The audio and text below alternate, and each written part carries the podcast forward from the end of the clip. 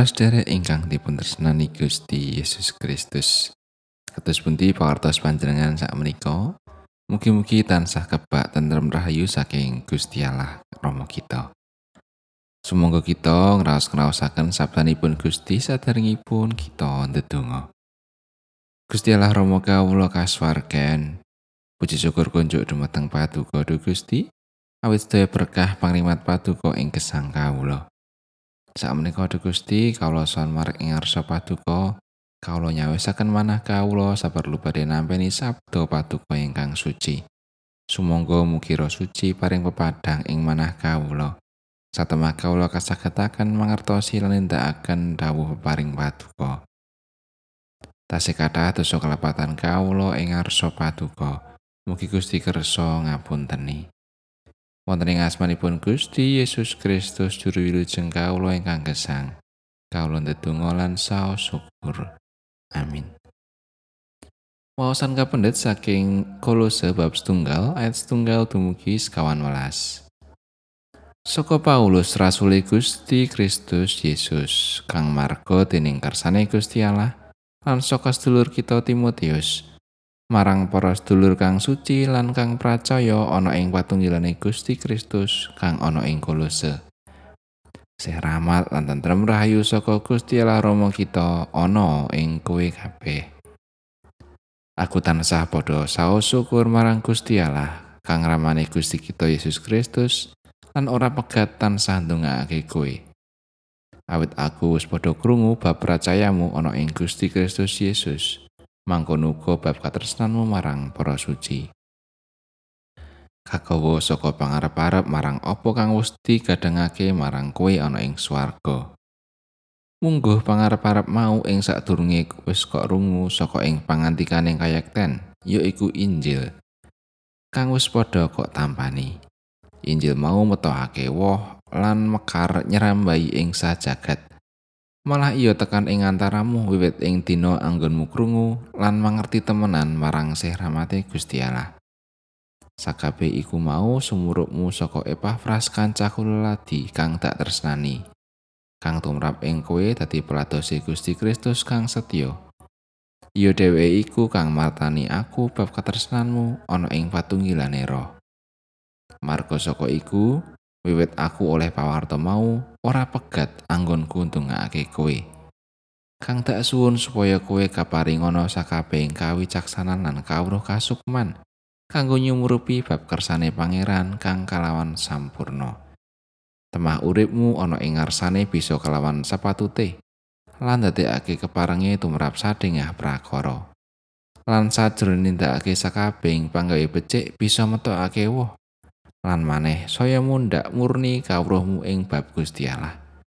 Lan maneh kowe padha kasantosakno sarana kekuatan panguwasaning kamulyane pangeran. supaya bab anggonmu ngrasakake samubarang kabeh kalawan tumomen lan sabar. Sabanjure padha saoso syukur kanthi bunga marang Sang Rama. Kang wis memantes marang kowe bisane kapanduman apa kang wis ketamtokake tumrap marang para suci kang ana ing kratoning pepadang. Panjenengane wis nguwari kita saka panguwasaning pepeteng kalih menyang kratone Sang Putra kang kinasih. Ana ing panjenengane anggon kita duweni tetebusan yaiku pangapuraning dosa. Keten pangandikanipun Gusti ayat nah saking ayat sekawan welas.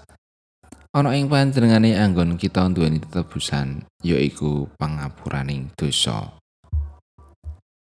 Nalika kita nggadahi kelepatan dumateng tiang sanes, kamangka tiang sanes menika dereng maringaken pangapunten. Kados pundi raosipun? Tentu kemawon boten skeca.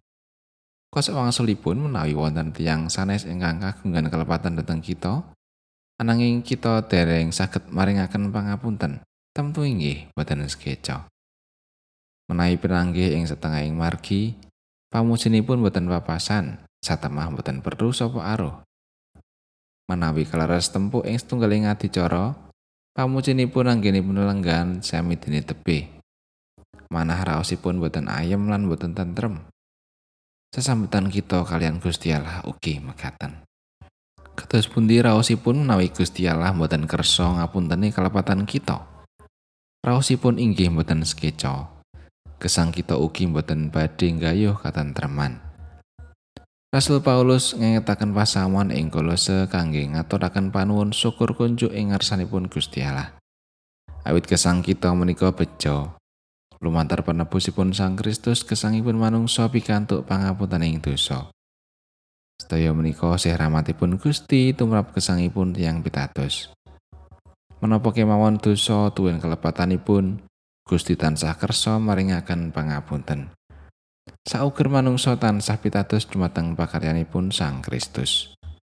Mila saking menika pantes kita ugi ngaturaken panuwun syukur dumateng Gusti Allah. Menapa kemawon kelepatan kita, Gusti Allah kersa paring sih rahmat pangapunten ing dosa.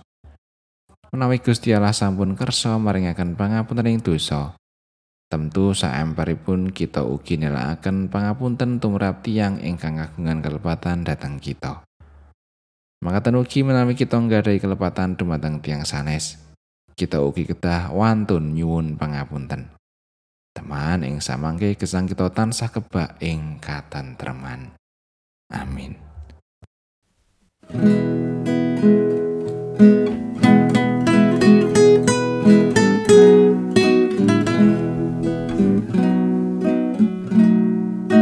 Gusti adawo yen kita sami kinen katya lilin kang amadangi supaya saben wong padange ngati. Wang lurake yang mo suci